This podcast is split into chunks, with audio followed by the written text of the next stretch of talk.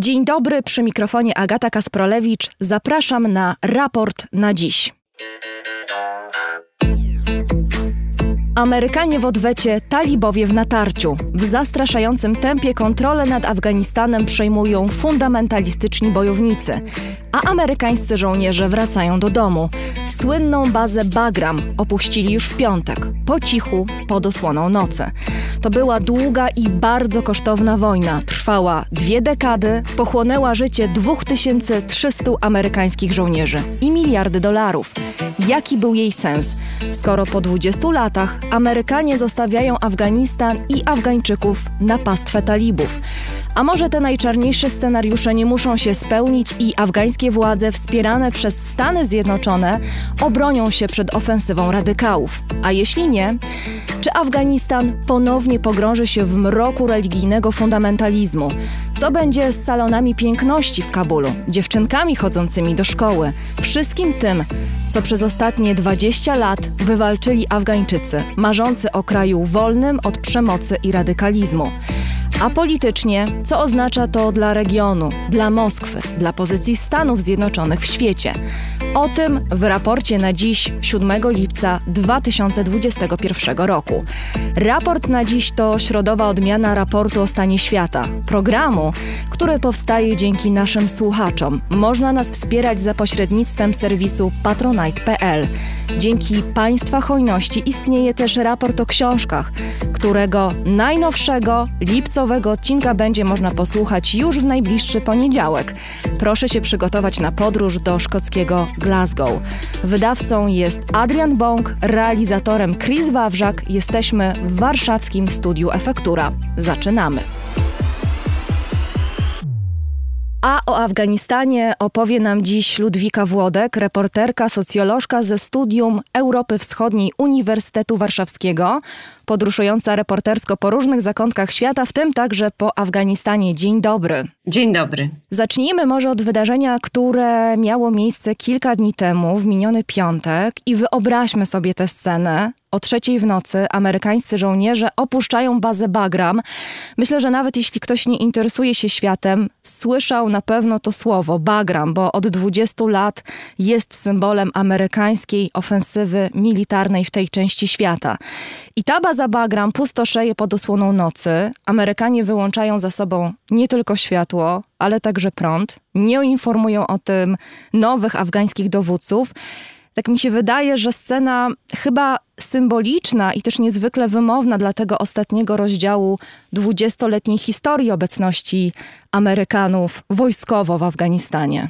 Y, tak, to znaczy wydaje mi się, że pani jednak y, trochę y, dramatyzuje, bo ta data opuszczenia Bagram była znana było wiadomo, że w tym czasie Amerykanie z Bagram wyjdą i było to też uzgodnione, to wyjście z, z Afgańczykami.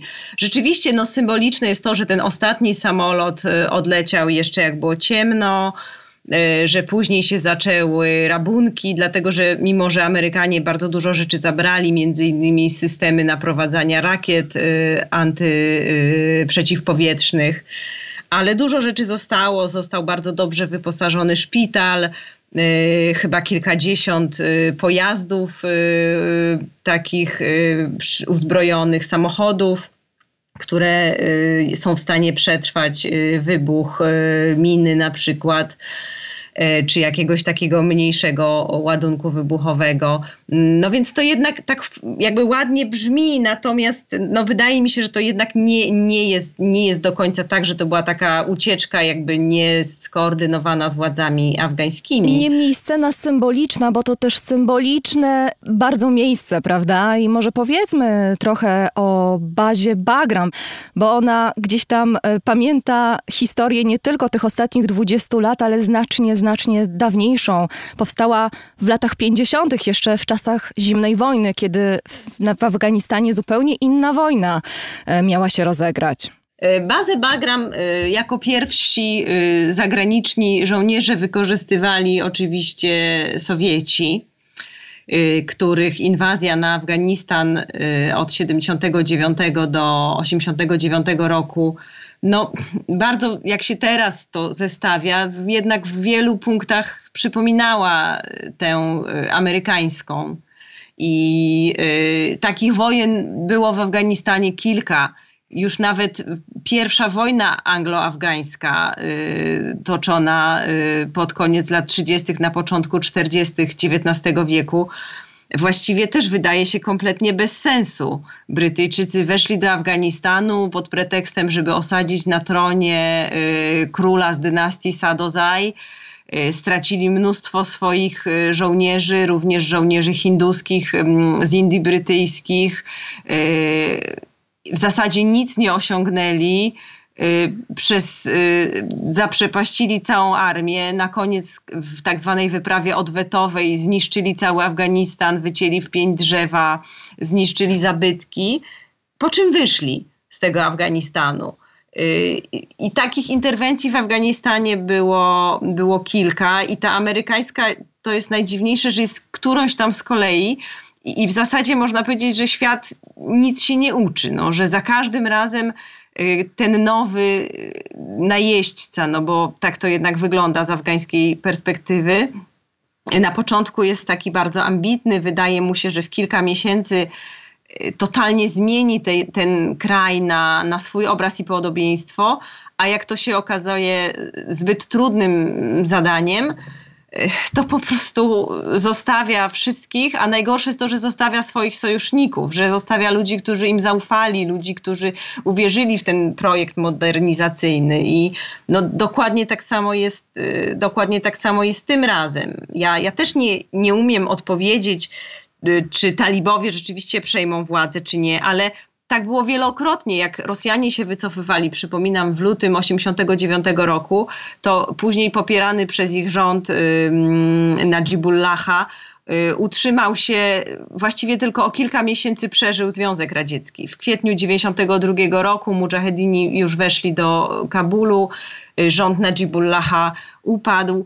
Y, no i teraz oczywiście wszyscy przypominają sobie tamte negocjacje pokojowe, które najpierw towarzyszyły się pod auspicjami właśnie radzieckimi, później jak ZSRR się z nich wycofał, to one po prostu przestały, przestały działać. I tu jest trochę tak samo. No, od kiedy Biden Biden ogłosił tę datę wycofania ostateczną na 11 września, też taką symboliczną, to y, właściwie te negocjacje, które się toczyły w Dosze, później miały mieć miejsce w Istambule, do tego nie doszło, w zasadzie stanęły w miejscu. No są jakieś rozpaczliwe próby podejmowane, żeby te rozmowy pokojowe z powrotem wznowić. Teraz na przykład w Iranie spotkali się delegaci talibów i delegaci afgańskiego rządu ale w zasadzie nikt już chyba nie wierzy w negocjacje. Poza tym, jak można negocjować, y, skoro każdego tygodnia y, giną ludzie w Afganistanie? Talibowie teraz zrobili wielką ofensywę na północy kraju zajęli prawie całą prowincję Badakhshan. Y,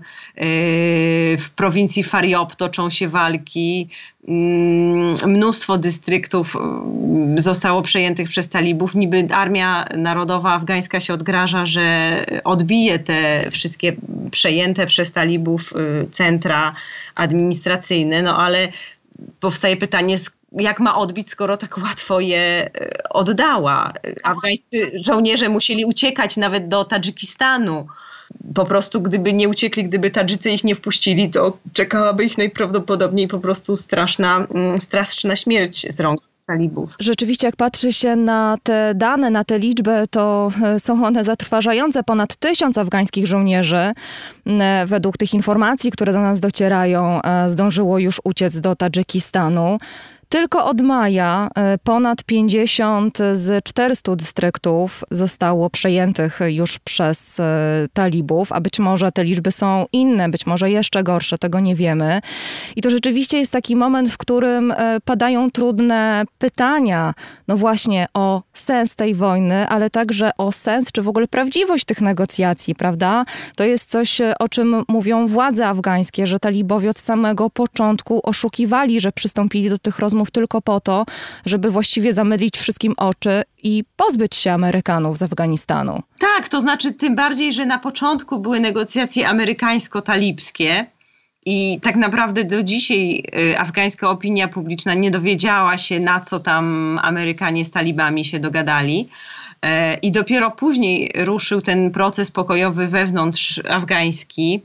Mm, I no, taką postacią mm, charakterystyczną, symbolem tych negocjacji amerykańsko-talibskich jest y, Halil Zod. To jest Afgańczyk, który od lat mieszka y, w, w Stanach Zjednoczonych y, postać taka nie bardzo popularna w Afganistanie, dlatego że właśnie jest y, symbolem tego dogadywania się Amerykanów ponad głowami zwykłych Afgańczyków z talibami. Mm, jak ja byłam w marcu w Afganistanie, właściwie wszystkie moje rozmowy jakoś zahaczały o te negocjacje. Ludzie, z którymi się spotykałam, a ponieważ piszę książkę właśnie o modernizacji Afganistanu, więc na ogół to byli ludzie w jakiś sensie zaangażowani w ten projekt modernizacyjny, najczęściej kobiety, y, czy prowadzące jakieś własne NGOsy, czy pracujące y, na posadach rządowych, ale właśnie w tej domenie modernizacji kraju. No, walki o prawa kobiet, o, o prawa człowieka,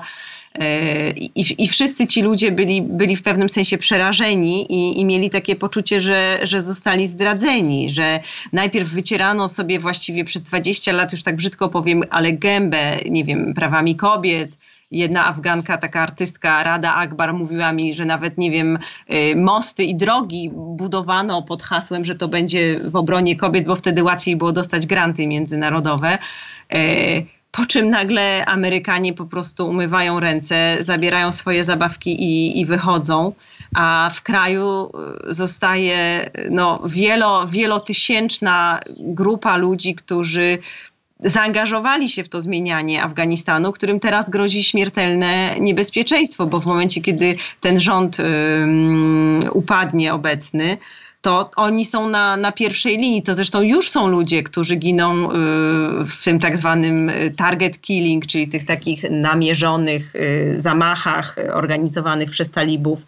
To są ludzie, na których są organizowane właśnie porwania, ci ludzie wszyscy, którzy są symbolem tych, tych, zmian, które faktycznie one się dokonały w Afganistanie. To znaczy ten Afganistan dzisiejszy jest zupełnie innym państwem niż był e, jesienią 2001 roku, kiedy upadał rząd talibów i kiedy Amerykanie, a właściwie nawet ta międzynarodowa koalicja e, przejmowały, przejmowały władzę w Afganistanie. I jakby tutaj trzeba powiedzieć, że faktycznie dziewczęta chodzą do szkoły. Wiadomo, że nie we wszystkich prowincjach, że w tych, których e, kontrolują sytuację talibowie, z tym jest znacznie gorzej, ale no znacznie się polepszył i stan, dostęp do opieki medycznej i, i dostęp do edukacji, przede wszystkim mamy dosyć liberalne prawo, konstytucję, która gwarantuje y, różne prawa człowieka, prawa kobiet. Nie wiem, w parlamencie jest 30% mm, kwota dla kobiet, mamy Ministerstwo do Spraw Kobiet, mamy Wysoką Komisję do Spraw Praw Człowieka i różne instytucje, na których czele stoją kobiety. Wiadomo, one często są fasadowe, one często mają zbyt małe budżety, one czasem przegrywają w takich zakulisowych negocjacjach z różnymi grupami interesu, y, które reprezentują to bardziej tradycyjne, konserwatywne społeczeństwo, ale jednak jest to inny kraj. No tyle, że po prostu bez, y, bez wsparcia amerykańskiego i z tym takim no jednak szybkim, nagłym y, wycofaniem się, istnieje duże prawdopodobieństwo, e, że to są właśnie mm, instytucje, które pójdą na pierwszy ogień, będą pierwszymi ofiarami tego, tej zmiany równowagi sił w Afganistanie. Pani mówi o tym e, nowym, zmienionym Afganistanie, który, jeśli się nie mylę, przede wszystkim koncentruje się w miastach. Talibom najłatwiej zajmować tereny wiejskie, o czym świadczą też te statystyki. Trzy czwarte terenów wiejskich w tym momencie jest pod kontrolą talibów. Miasta jeszcze nie. No zależy, bo niektóre miasta tak. No. Mhm. no właśnie, czy miasta będą taką najwyższą stawką i czy chodzi o to, żeby one nie stały się łupem e, talibów? No, sprawa jest skomplikowana, bo są też różne regiony w Afganistanie. Są, generalnie jest tak, że na południu, tam gdzie mieszka więcej ludności pasztuńskiej, to tych terenów kontrolowanych przez talibów jest y, więcej. Y, te obszary, gdzie więcej jest ludności hazarskiej czy tadżyckiej, mm, tam są wpływy talibów dużo, dużo mniejsze. Ta zresztą sytuacja, że, że w miasta, miasta są taką ostoją, powiedzmy sobie, większego jednak liberalizmu, y, poszanowania praw mniejszości, praw kobiet, to, to też już było. To jest powtórka z historii. Dokładnie tak samo było w czasie interwencji tej sowieckiej. W Kabulu klasa średnia afgańska w zasadzie dobrze sobie żyła, działały szkoły, kobiety studiowały, a na prowincji toczyła się krwawa mm, wojna. Y, w tej chwili, w tej chwili jest y, podobnie i Oczywiście jest tak, że w miastach, tam gdzie mieszkają ludzie lepiej wykształceni, y, tam, gdzie jednak są dużo mocniejsze wpływy z tego, z tego świata zewnętrznego, no, tam poparcie dla talibów jest dużo, dużo mniejsze. No ale w momencie, kiedy rząd będzie słaby, ta afgańska armia narodowa bez, bez wsparcia amerykańskiego też jest bardzo słaba. To wynika z bardzo różnych rzeczy. Na przykład w tej chwili bardzo duży procent w armii stanowią Hazarowie którzy są taką y, grupą y, w skali całego społeczeństwa jednak dość nieliczną. Natomiast w armii zajmują bardzo dużo ważnych stanowisk, ponieważ są grupą jakby chętnie współpracującą y, z Amerykanami, dlatego że wcześniej byli dy, dyskryminowani ale to powoduje też, że ta armia ma stosunkowo mniejsze poparcie właśnie na prowincji, zwłaszcza w tych regionach, gdzie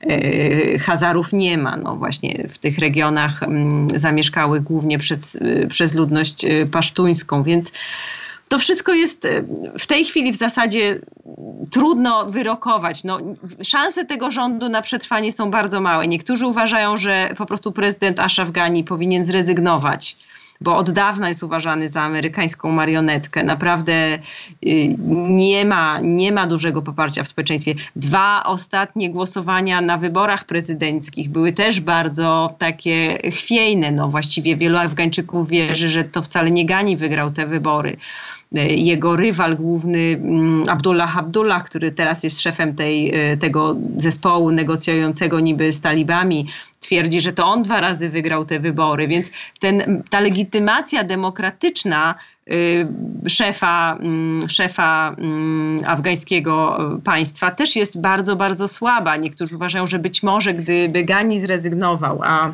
zrobiono po Bożemu nowe wybory, to byłoby lepiej. Z drugiej strony, jak zrobić wybory w kraju, w którym, tak jak pani zauważyła, w zasadzie w bardzo wielu miejscach po prostu toczy się normalna, regularna wojna. Ja właśnie chciałam zapytać panią o te nastroje panujące w Afganistanie, bo wspomniałyśmy o miastach, wspomniałyśmy o kobietach, wspomniałyśmy o tej liberalnej, e, postępowej części społeczeństwa, która nie wyobraża sobie powrotu do czasów rządów e, talibów, ale to nie jest przecież e, cały i kompletny obraz społeczeństwa afgańskiego.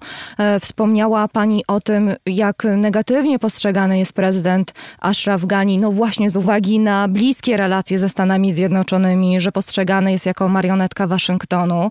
I chciałam zapytać, i jakie są nastroje e, realnie w Afganistanie? To znaczy, jaka część społeczeństwa nie boi się talibów, a wręcz upatruje e, w nich powrotu jakiejś tam stabilizacji, jakiegoś porządku, no i takiego Afganistanu, e, w którym chcieliby mieszkać? Wie pani, co to jest pytanie, na które nie ma odpowiedzi, bo mm, no, żeby odpowiedzieć, że tak powiem, wiarygodnie na to pytanie, trzeba by zrobić wiarygodne badania opinii publicznej które są po prostu niemożliwe do przeprowadzenia w kraju, gdzie nie ma dróg, gdzie jest y, trudny dostęp do wielu prowincji i gdzie właśnie w wielu prowincjach um, toczy się wojna. I pytanie, czy ludzie mieliby odwagę szczerze na te pytania odpowiadać, prawda, w tych częściach kontrolowanych przez talibów? Tak, no, no, więc, no więc jak mówię, no nie, jest, nie jest możliwa odpowiedź y, taka bardzo jednoznaczna na to pytanie. Y, Talibowie to jest przede wszystkim tak naprawdę biznes. Tu chodzi o, o, o pieniądze. Owszem, oni się mm, kierują tą ideologią fundamentalistyczną, e, taką właściwie własną wersją mm, tego fundamentalistycznego islamu, który jakby w zasadzie z punktu widzenia islamskiej ortodoksji też jest pomieszaniem niektórych fundamentalistycznych ideami z jakimiś w ogóle y, plemiennymi mm, zasadami y, pasztuńskimi i z taką prawdziwą ortodoksją islamską z Półwyspu Arabskiego też ma niewiele mm, wspólnego, ale to, to nie jest tak, że jakby wszyscy na wsi są za talibami, czy wszyscy niewykształceni są za talibami, a, a wszyscy w mieście i wykształceni są przeciwko talibom. Te, talibom. Te, te podziały są dużo bardziej skomplikowane. Rzeczywiście dla wielu prostych Afgańczyków najważniejsze jest to, żeby mieć, nie wiem, móc bezpiecznie przejechać z prowincji do prowincji, mieć pracę, żeby móc obsiać pole i po prostu y, spokojnie y, zebrać te plony. I, I rzeczywiście jest tak, że Afgańczycy dzisiaj z perspektywy tej dwudziestoletniej obecności Amerykanów w Afganistanie czasem patrzą z sentymentem na te czasy, krótkie bardzo rządy talibów, bo przypominam, że to było od roku 96 do 2001, więc to tak naprawdę jest tylko 5 lat, e, kiedy był, panował względny spokój na większości terytorium Afganistanu, bo przypominam, że talibowie nigdy nie zapanowali nad całym Afganistanem. Te północne skrawki y, zostały poza ich, zostały poza ich kontrolą ale, a, ale tak naprawdę, jak mówię, no, jest, to, jest to pytanie w zasadzie, na które, na które jest bardzo trudno odpowiedzieć, bo na te właśnie kwestie światopoglądowe nakładają się kwestie jeszcze różnych takich właśnie zależności etnicznych, y, jakichś podziałów takich właśnie dotyczących y, kwestii klanowych, y, y po, podziałów religijnych. Y, no rzeczywiście jakby to konserwatywne grupy interesów w Afganistanie, one są bardzo wpływowe, ale też o, nie wszystkie one popierają talibów. Sami talibowie to też nie jest monolit tak naprawdę. My, my, my ich tak nazywamy, ale mm, no, wewnątrz tego ruchu y, też jest dużo różnych y, frakcji, jakby w zasadzie y, wszystkich przeciwników tej władzy centralnej ze Y, sprzymierzonej z Amerykanami po prostu się nazywa jednym zbiorczym hasłem talibowi. No właśnie, bardzo dobrze, że pani to podkreśla, że tych graczy w konflikcie afgańskim jest więcej aniżeli tylko armia prorządowa i talibowie, bo tych uczestników jest zdecydowanie więcej.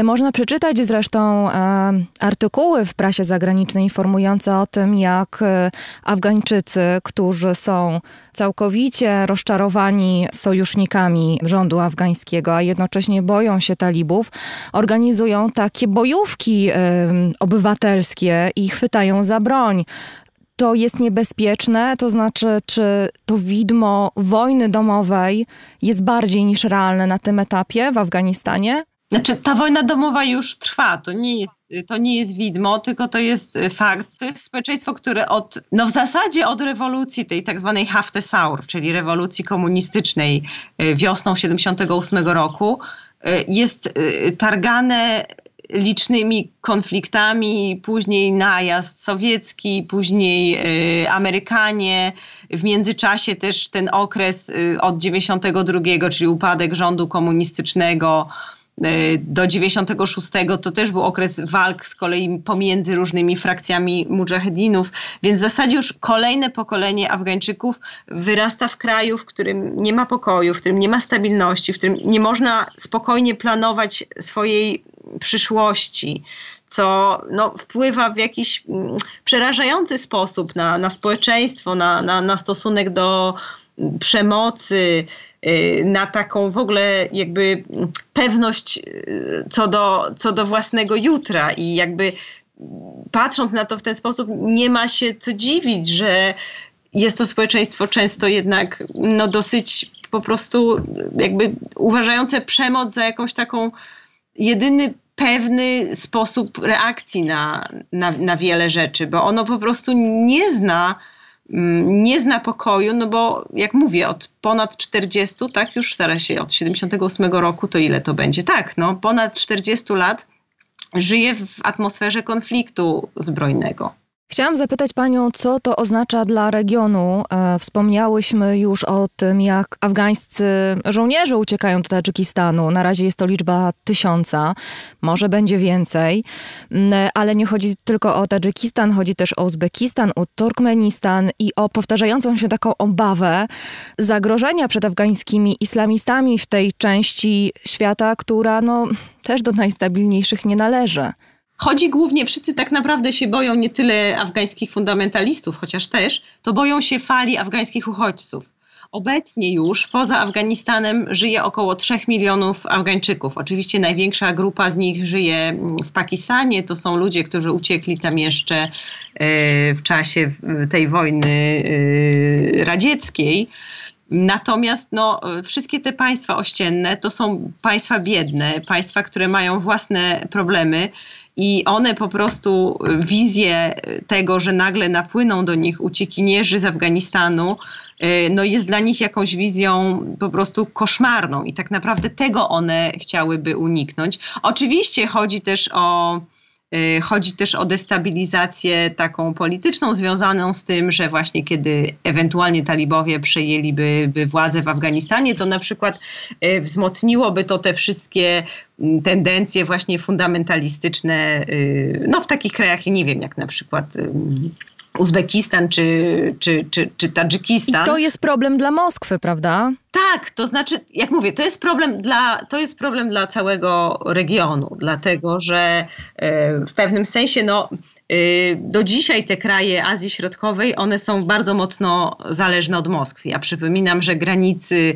e, tadżycko, w Tadżykistanie stacjonuje 201 Dywizja Zmechanizowana Rosyjska, są tam, y, mm, są tam rosyjscy żołnierze, którzy też y, pomagają chronić granicy, migranci zarobkowi i z Tadżykistanu, i z Kirgistanu, i z Uzbekistanu milionami jeżdżą do pracy do Rosji. W momencie, kiedy do nich dołączą na przykład uchodźcy, uchodźcy afgańscy, Y, to może naprawdę zdestabilizować sytuację mm, na bardzo dużym, y, na bardzo dużym obszarze. Także po, nie wiem, poza tym no, Turkmenistan na przykład. Turkmenistan teraz na 30-lecie się chwali, y, że wybudował nowy 30-kilometrowy odcinek kolei, całkowicie znajdujący się po afgańskiej stronie do Ahoju. A teraz przeczytałam kilka dni temu, że właśnie y, tę miejscowość zajęli talibowie. Czyli jakby cała nadzieja Turkmenistanu na to, że wreszcie otworzy sobie tę południową drogę y, handlu, sprzedawania swojej ropy, nie tylko jak kiedyś do Rosji, jak teraz do Chin, ale też właśnie na południe przez Ocean Indyjski, no znowu staje pod znakiem y, zapytania.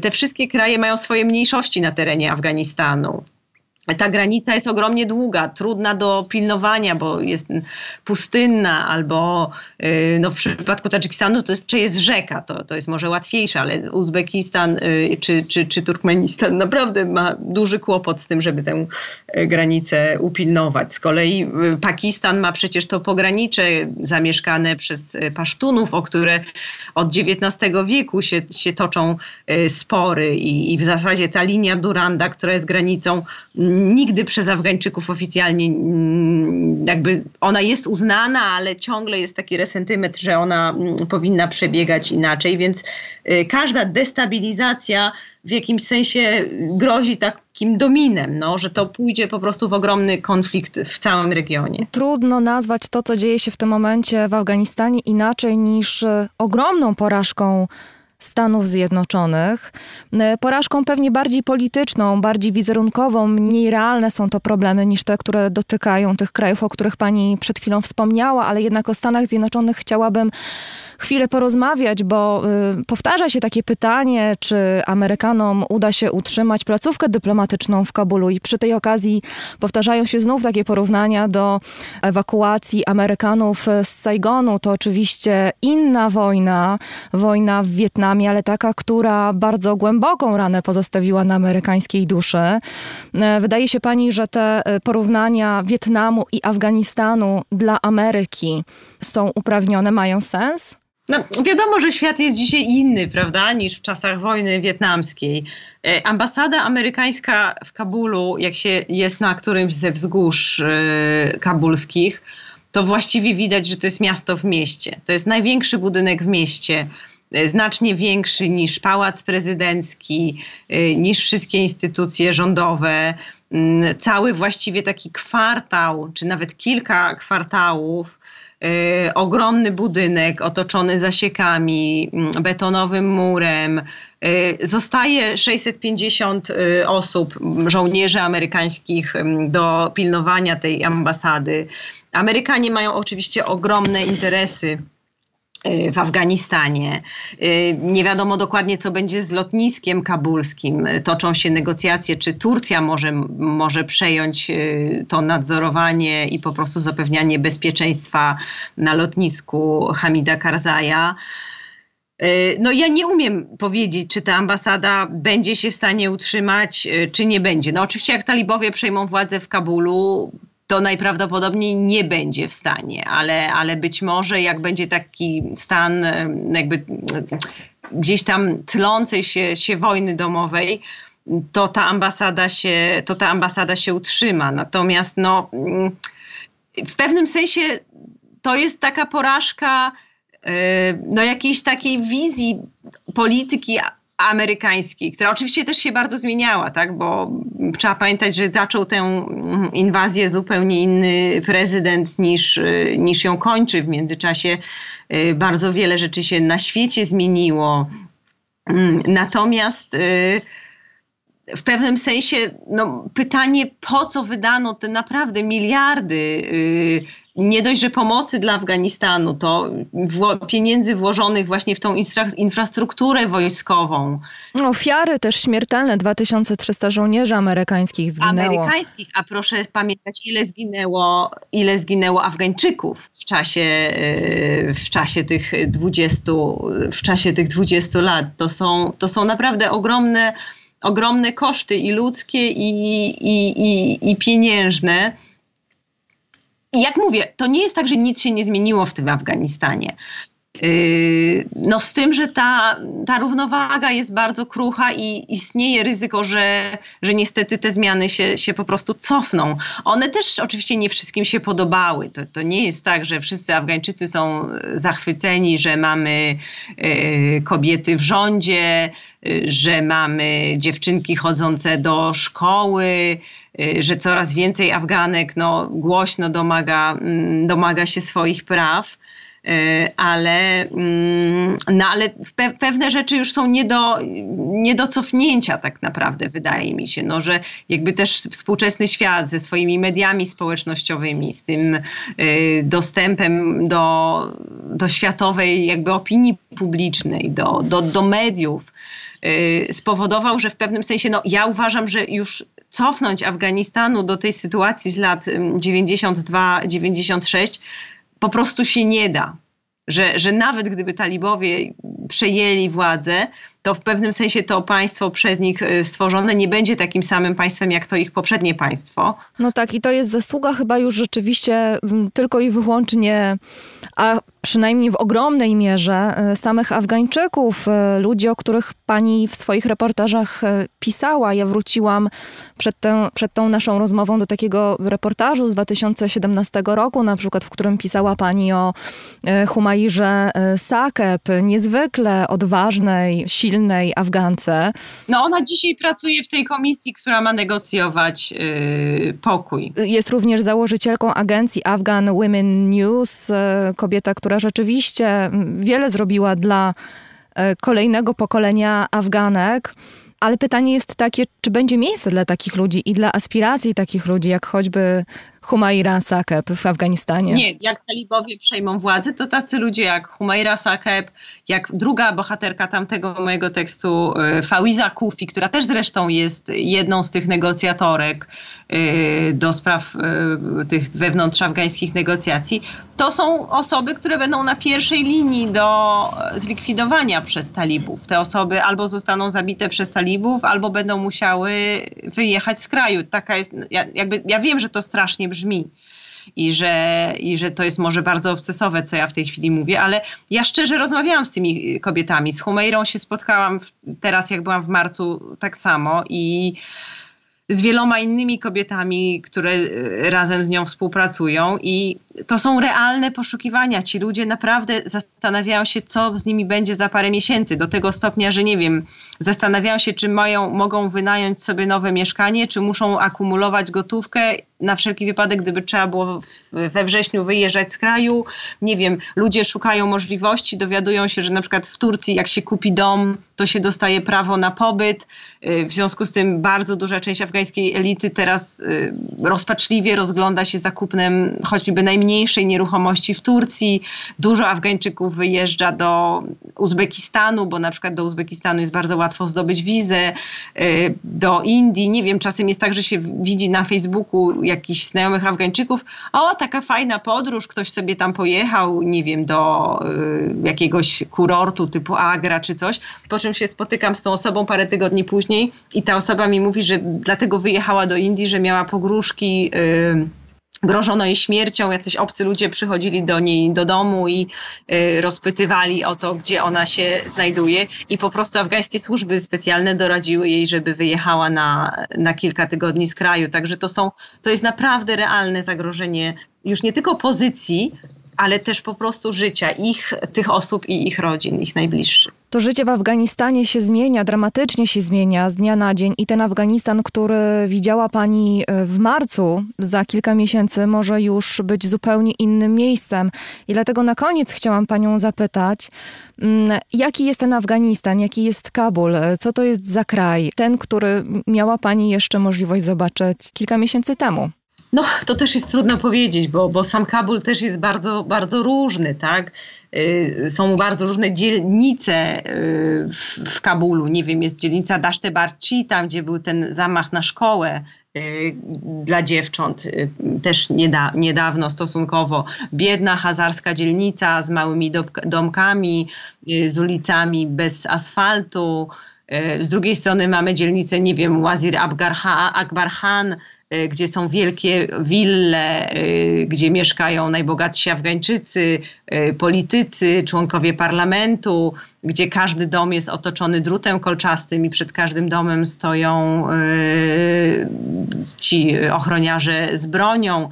Jest, nie wiem, dzielnica Korte Parwan, gdzie po prostu mieszka taka afgańska klasa średnia, no jest to bardzo zróżnicowane miasto. Ale są też salony piękności, prawda? Są też takie elementy tak, zwykłego życia, które my znamy. Jakby Kabul jest takim miastem, w którym są kawiarnie, w którym są salony piękności, w którym działa, nie wiem, bardzo fajne zresztą muzeum y, historii, Narodowe Muzeum, gdzie można zobaczyć chociażby, nie wiem, helenistyczne rzeźby, posągi Buddy, y, rzeźby w drewnie z Nuristanu z XIX wieku. Jest to w zasadzie miasto takie bardzo żywe, zatłoczone, ale takie, w którym jest dużo sklepów, bazarów w którym toczy się takie, można powiedzieć, normalne życie. Mimo, że parę razy w tygodniu dochodzi do zamachów bombowych w najbardziej zatłoczonych miejscach. Ludzie już nauczyli się z tym żyć. Nie wiem, to jest nawet powodem jakichś czarnych żartów, że kiedyś talibowie robili zamachy rano, Później nagle te zamachy się przeniosły na wieczór i ktoś tam sobie żartuje, haha, zmienili, zmienili taktykę, że w pewnym sensie, no, jak się żyje w takim ciągłym zagrożeniu, to ono też się staje y, przedmiotem jakiejś po prostu takiej trochę kpiny, żeby oswoić ten, y, oswoić te żarty. A z drugiej strony, nie wiem, na każdym skrzyżowaniu w Kabulu są yy, milicjanci, policjanci z bronią. Widzi się samochody, pick-upy, gdzie jak jedzie jakaś ważna osoba, tak zwany, nie wiem, high profile, jakiś polityk czy biznesmen, to z tyłu na pace siedzi dwóch ochroniarzy z maszynowymi karabinami. Niektóre osoby mają przydzieloną ochronę mm, rządową. Więc właśnie są takie blokposty, gdzie są nagle zasieki, gdzie, gdzie są worki z piaskiem. No, dosyć specyficzne miasto, ale nie wiem, z drugiej strony są centra handlowe, nie wiem, tureckie restauracje, w których można wypić ture przepyszną turecką herbatę, y, zjeść sobie oliwki, mm, nie wiem, z drugiej strony handlarze na ulicy prawie smażący mój ulubiony przysmak buloni, czyli takie racuchy y, z, z różnymi rzeczami w środku. Ja najbardziej lubię buloni gandana z takim czymś, co jest czymś pomiędzy dymką a, y, a porem. Są, nie wiem, sklepy, gdzie można kupić super eleganckie żakiety z prawdziwej wełny, haftowane ręcznie za, y, nie wiem, 200 dolarów za sztukę, a z drugiej strony są bazary, gdzie jest super tania tandeta i po prostu ubierają się te biedniejsze dzielnice. Jest, nie wiem, Kuche Telewizjon, góra w centrum Kabulu, gdzie mieszka taka największa biedota, gdzie nie ma kanalizacji gdzie ludzie żyją właściwie mm, jeden na drugim e, w jakichś bardzo takich e, skromnych warunkach. Jest to gigantyczne miasto, gdzie mieszka wiele milionów ludzi, do którego wciąż napływają nowi, mm, nowi osadnicy właśnie z prowincji, bo, bo jednak jest bezpieczniejsze, bo jednak łatwiej tam znaleźć pracę, bo jednak jest jakaś szansa, że można, nie wiem, w jakiś sposób sobie jednak łatwiej zapewnić, y, zapewnić byt niż w wielu innych częściach Afganistanu, więc w pewnym sensie pytanie o to, jaki jest Kabul, to ja mogłabym odpowiadać na to pytanie przez dwa tygodnie no stop. Miejmy nadzieję, że ten Kabul, taki właśnie, o którym pani opowiadała, e, przetrwa i ten bardzo trudny moment w historii Afganistanu. Mm, Ludwika Włodek, reporterka, socjolożka ze studium Europy Wschodniej Uniwersytetu Warszawskiego opowiadała o Afganistanie. Bardzo dziękuję. Dziękuję bardzo. Do widzenia. I to już wszystko w raporcie na dziś. Na sobotni raport o stanie świata zapraszam już w imieniu Dariusza Rosiaka. Dziękuję Państwu. Agata Kaspralewicz. Do usłyszenia.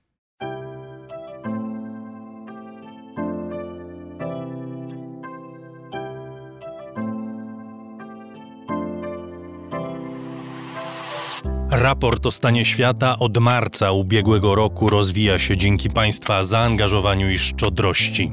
To dzięki Wam możemy opowiadać o świecie przy pomocy dźwięków. Dzięki Wam ten program jest przygotowywany w profesjonalny sposób z zachowaniem najwyższej jakości, bo na nią właśnie zasługują słuchacze raportu o stanie świata. Z serca dziękuję wszystkim Państwu za wpłaty. Wasza hojność jest dla mnie ogromnym zobowiązaniem Zbiórka na patronite.pl ciągle trwa, zachęcam do udziału. Najhojniejsi patroni raportu o stanie świata to artrage.pl książki dostępne dla każdego. Za tyle, ile chcesz zapłacić. Bierz i czytaj. Hotel Bania Termal i Ski w Białce Tatrzańskiej, oferujący rodzinne wakacje z dostępem do term. Firma doradcza Crido Kantory Kanga, sieć stacjonarnych kantorów kryptowalutowych w Twoim mieście. Firma Prosper z Sosnowca, hurtownia elektroenergetyczna i właściciel marki Czystuś. Firma Venterm z Niepołomic, generalny wykonawca instalacji sanitarnych i odnawialnych źródeł energii. Magda Kras-Gorzkowska, właścicielka marki Miłomi Beauty, najmilszego day spa w Pruszkowie i okolicach www.miłomibeauty.pl Catering dietetyczny Lightbox, oferujący dietę pudełkową z wyborem potraw z różnych kuchni świata. Michał Małkiewicz. Firma Software Mill, od zawsze zdalni, programują dla całego świata. Dom wydawniczy Muza, bo świat nie jest nam obojętny. Uber. Myślimy globalnie, działamy lokalnie. A także firma Ampio Smart Home. BIMV.pl. Kursy online dla inżynierów. CIO Net and Digital Excellence. Łączymy ludzi i idee. Grupa brokerska CRB. Ubezpieczenie należności dla Twojej firmy. Bezpłatne porównanie ofert www.grupacrb.pl. Mariusz Drużyński. Salony meblowe Faster, Zełku i Białego Stoku wspierają piękne wnętrza. Agata Fischer. Galmet. Polskie pompy ciepła. JMP. Z miłości do sportu, z najlepszych tkanin w sercu Podhala szyjemy dla Was porządną odzież. Palarnia kawy La Cafo z Augustowa. Gosia i Michał Kowalczewscy. Alan Meller. Aplikacja Moja Gazetka Polska proekologiczna aplikacja zakupowa z gazetkami promocyjnymi i nie tylko. Moja gazetka. Kupuj mądrze. Muzeum Kinematografii w Łodzi, organizator 31. Festiwalu Mediów Człowiek w Zagrożeniu. Paweł Nowy Nowak. Wydawnictwo SQN, wydawca reportaży Mecz to Pretekst i Republika Samsunga. Drukarnia cyfrowa totem.com.pl. Dla nas książka zasługuje na najwyższą jakość. Fundacja Wasowskich, opiekująca się spuścizną Jerzego Wasowskiego i wydawca książek Grzegorza Wasowskiego. Szczegóły na wasowscy.com. Dziękuję bardzo. To dzięki Państwu mamy raport o stanie świata.